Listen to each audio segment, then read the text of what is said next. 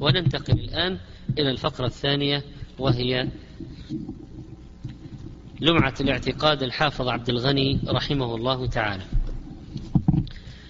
وكنا قد وصلنا في قوله رحمه الله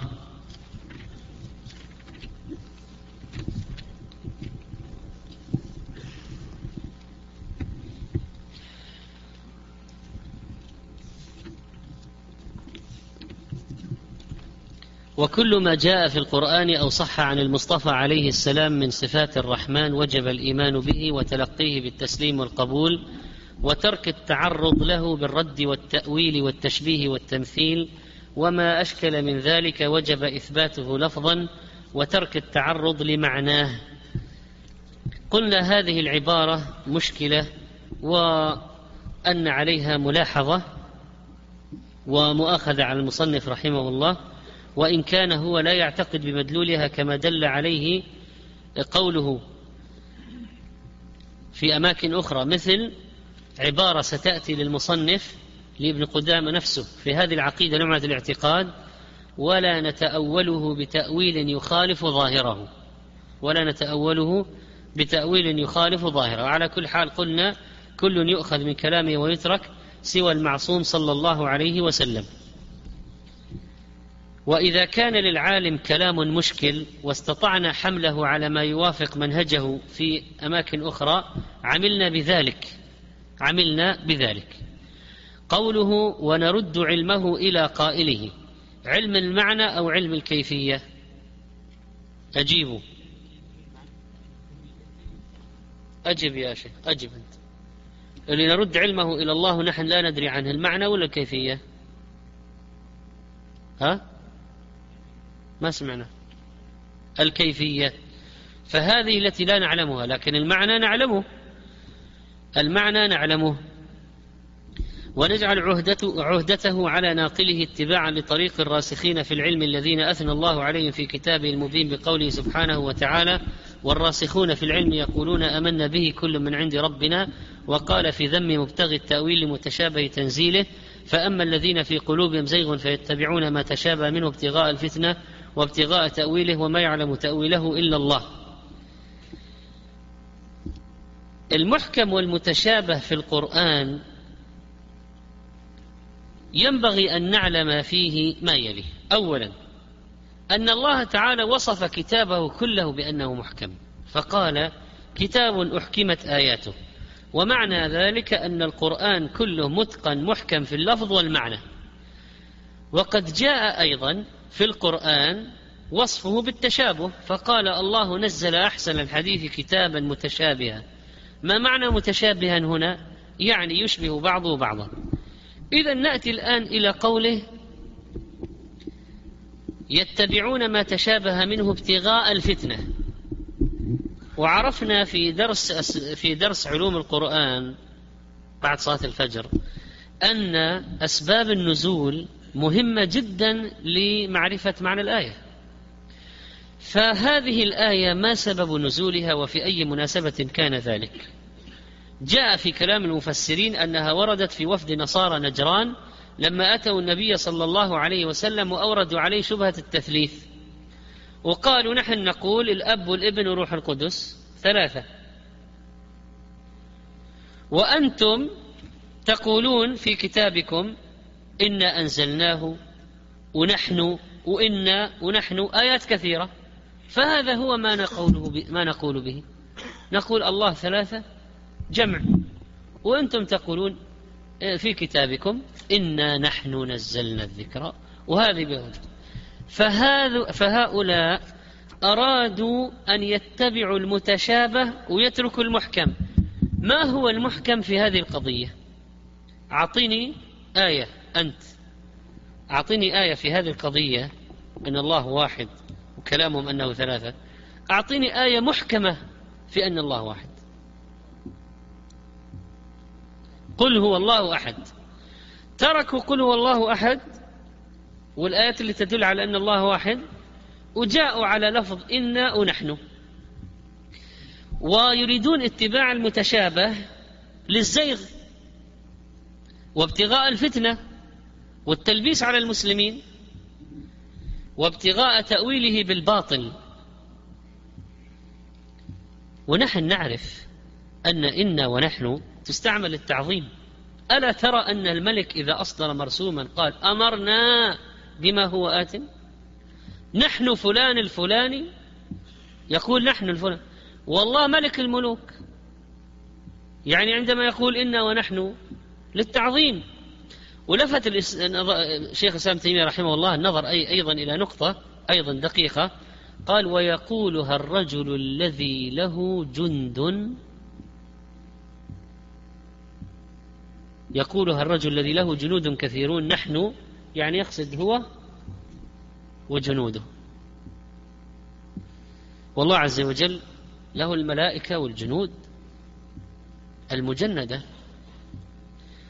فإذا لا إشكال عندنا في قضية إنا ونحن في القرآن إطلاقا لكن المقصود الآن أن نعرف ما معنى الآية على ضوء معرفة سبب النزول.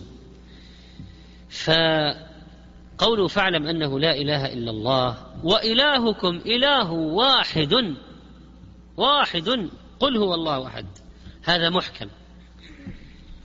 فلا يجوز اتباع المتشابه وترك المحكم بل نرد المتشابه إلى المحكم. فإذا قال إنا ونحن تحتمل أنه أكثر من واحد وتحتمل أنه واحد. نقول طيب نردها إلى المحكم. قل هو الله أحد. إلهكم إله واحد. لا إله إلا الله. وجاء وصف بعضه بالإحكام وبعضه بالتشابه في هذه الآية ومعنى أنها محكمة جلية وواضحة ومعنى التشابه إذن الخفاء واللبس. لكن يا إخوان الخفاء واللبس هذا شيء نسبي. بمعنى أن بعض الناس قد يلتبس عليه وبعضهم لا يلتبس عليه. ولذلك قال شيخ الإسلام ابن تيمية رحمه الله إن التشابه أمر نسبي فقد يتشابه عند هذا ما لا يتشابه عند غيره. ما لا يتشابه عند غيره. فإذا ما هو موقفنا إذا مر علينا أي لبس أو إشكال في آية متشابه. نرده إلى المحكم. وإذا ما عرفنا نرد إلى العلماء. ليبينوه لنا. خفي علينا لا يخفى عليهم فيبينوه لنا. هذا هو الموقف من المتشابه. نأتي الآن. هل آيات الصفات من المتشابه أم من المحكم؟ مما خفي والتبس أو من الشيء الواضح من أي قسم؟ نقول هذه المسألة فيها تفصيل. فإن كنت تقصد المعنى لاحظ معي المسألة دقيقة. إن كنت تقصد معنى معاني الصفات فهي قطعا من من أي قسم؟ المحكم. لأن المعنى عندنا واضح معروف. معنى الوجه ومعنى اليد ومعنى معروف. أصلا هؤلاء المترجمين إذا ترجم المترجم السلفي إذا ترجم لما خلقت بيدي إيش يترجم يد بالإنجليزي؟ يقول هاند ليش؟ لأنه يعرف معناها ولذلك ترجم. ولذلك ترجم. ولم يقل أي شيء آخر. هو يعرف المعنى وترجمها إلى الكلمة المقابلة. أما إذا كنت تقصد يا أيها السائل آيات الصفات من المحكم أو من المتشابه إذا كنت تقصد الكيفية فالكيفية هنا من المتشابه الذي لا نعلمه ولا يعلمه إلا الله سبحانه وتعالى. فحال الناس حيال الآيات المتشابهات على ضربين. الراسخون في العلم آمنوا بالكل كل من عند ربنا وتركوا التعرض لما لا يمكنهم الوصول إليه. وأما أهل الزيغ فيتبعون المتشابه دون المحكم ابتغاء الفتنة لصد الناس عن الدين وابتغاء تأويله أي معرفة حقيقة الحقيقة والكيفية مثلا وهذا غير ممكن. وكذلك للتحريف. طيب إذا قوله وما يعلم تأويله إلا الله والراسخون في العلم. الواو في قوله والراسخون. هذه الواو استئنافية أو عاطفة.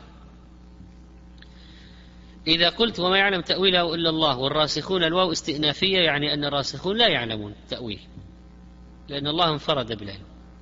وإذا قلت الواو عاطفة يعني أن الراسخون يعلمون التأويل. حتى هذه المسألة دقيقة وفيها شيء من التفصيل. فنقول إن كان و والراسخون في العلم إن كنت تقصد أنهم يعلمون المتشابه النسبي الذي يخفى على البعض ويعرفه البعض فنعم الراسخون يعلمونه. فتكون الواو إيش؟ عاطفة. وإذا كنت تقصد حقائق الغيب ككيفية الصفات وحقائق الروح وحقيقة نعيم الجنة الذي لا يخطر على قلب بشر. فهذه حينئذ علمها عند ربي والواو على هذا تكون واو إيش؟ استئنافية. قال رحمه الله تعالى بعد هذا قال الإمام أبو عبد الله أحمد بن حنبل رضي الله عنه في قول النبي صلى الله عليه وسلم إن الله ينزل إلى سماء الدنيا وإن الله يرى في القيامة وما أشبه هذه الأحاديث نؤمن بها ونصدق بها لا كيف ولا معنى. هذه تحتاج إلى شرح. ما معنى لا كيف؟ ليس المقصود نفي الكيفية مطلقا. هناك كيفية. هناك كيفية قطعا. لكن لا كيف معلوم بالنسبة لنا. لا كيف معلوم بالنسبة لنا؟ ولذلك قول مالك الكيف مجهول؟ يعني بالنسبة لمن؟ بالنسبة لنا. وليس المقصود لا كيف يعني لا يوجد كيفية. لا يوجد. يوجد كيفية لكن لا يعلمها إلا الله. وقوله لا معنى أيضا إن قلت معناها اللغوي معناها في اللغة فنعرفه أو لا نعرفه؟ نعرفه. وإن قلت المقصود بالمعنى كنه الصفة وكيفيتها فهذا لا يعلمه إلا الله. ولذلك يقول سفيان بن عيينة قراءتها تفسيرها. يعني معنى واضح لكن الكيفية لا ندخل فيه. لا يحتاج لتفسيرها أكثر من قراءتها باللغة العربية التي معروف معناها. والقرآن أنزل لفهم آياته ومعرفة معانيه وليست أسماء الله ولا صفاته طلاسم أبدا. ولما خلقت بيدي واضحة المعنى بلغة العرب والسلف يفهمون المعنى. ولذلك لما فسروا استوى ما قالوا استوى كلمة لا نعرف معناها. قالوا استوى على وارتفع وصعد. إذا متى فسروها؟ لما عرفوا معناها. إذا يعرفون معنى الكلمة أم لا؟ يعرفونه. فالاستواء معلوم والكيف مجهول. ولا نصف الله بأكثر. قال رحمه الله ولا نرد شيئا منها. ونعلم أن ما جاء به الرسول حق. ولا نرد على رسول الله صلى الله عليه وسلم. ولا نصف الله بأكثر مما وصف به نفسه بلا حد ولا غاية. ليس كمثله شيء وهو السميع البصير. طيب الآن نأتي إلى قضية نحن ما ما ما نثبت لله صفات ما أثبتها لنفسه. ما نزيد. لا نزيد. لكن ما معنى قولي بلا حد ولا غاية؟ الحقيقة أن لفظ الحد ما وردت في الكتاب والسنة فهي من الألفاظ المجملة التي لو عرضت عليك فينبغي أن تتوقف وتقول ماذا تقصد بالحد. ماذا تقصد بالحد يا أيها القائل؟ لأن هذا مثل قد يكون له معنى صواب وقد مقصود صحيح وقد يكون مقصود باطل. ف ابن المبارك سئل بما نعرف ربنا قال بأنه على العرش بائن من خلقه. قيل له بحد قال بحد. نقل عن الإمام أحمد إثباته. فما المقصود بالحد؟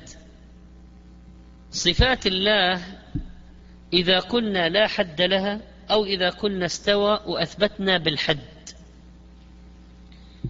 فإذا قلنا لا حد لها لا حد لقدرته لا حد لكلامه لا حد لعظمته لا حد لحياته صحيح. هذا النفي يعني إذا نفينا الحد. وإذا أثبتناه بقصد واعتبار ومعنى أن الله بائن من خلقه منفصل عنهم. بائن من خلقه منفصل عنهم. ذاته منفصلة عن ذواتهم فيكون كلامنا إذا صحيحا. فإذا اللي نف... الذي نفى الحد ما المقصود بنفي الحد؟ لا حد لقدرته لا حد لكلامه لا حد لحياته لا حد. طيب. والذي نف... والذي أثبت الحد كما جاء في رواية المبارك فما المقصود؟ أنه بائع من خلقه ذاته منفصلة عن ذواتهم وهكذا. ولذلك يا أخوان الأولى أن لا نستعمل كلمة لم ترد في الكتاب ولا في السنة حتى لا نأتي بالمشكلات ولا نأتي بالأمور التي تلبس لا نأتي بشيء فيه تلبيس. ونضطر للتفصيل. نقول لا تستعمل الكلمة أصلا. وارتاح لكن لو استعملت فلا بد أن نفهم على أي قصد استعملت عليه. ولذلك قال ونقول كما وقال الله كما قال ونصفه بما وصف به نفسه لا نتعدى ذلك ولا يبلغ وصف الواصفين نؤمن بالقرآن كل محكمه ومتشابهه ولا نزيل عنه صفة من صفاته لشناعة شنعت أو ولا نتعد شنعت ولا نتعدى بالقرآن القرآن والحديث ولا نعلم كيف كنه ذلك إلا بتصديق الرسول صلى الله عليه وسلم وتثبيت القرآن. وسنتابع بمشيئة الله. في شرح هذه العقيدة في الدرس القادم وصلى الله وسلم على نبينا محمد.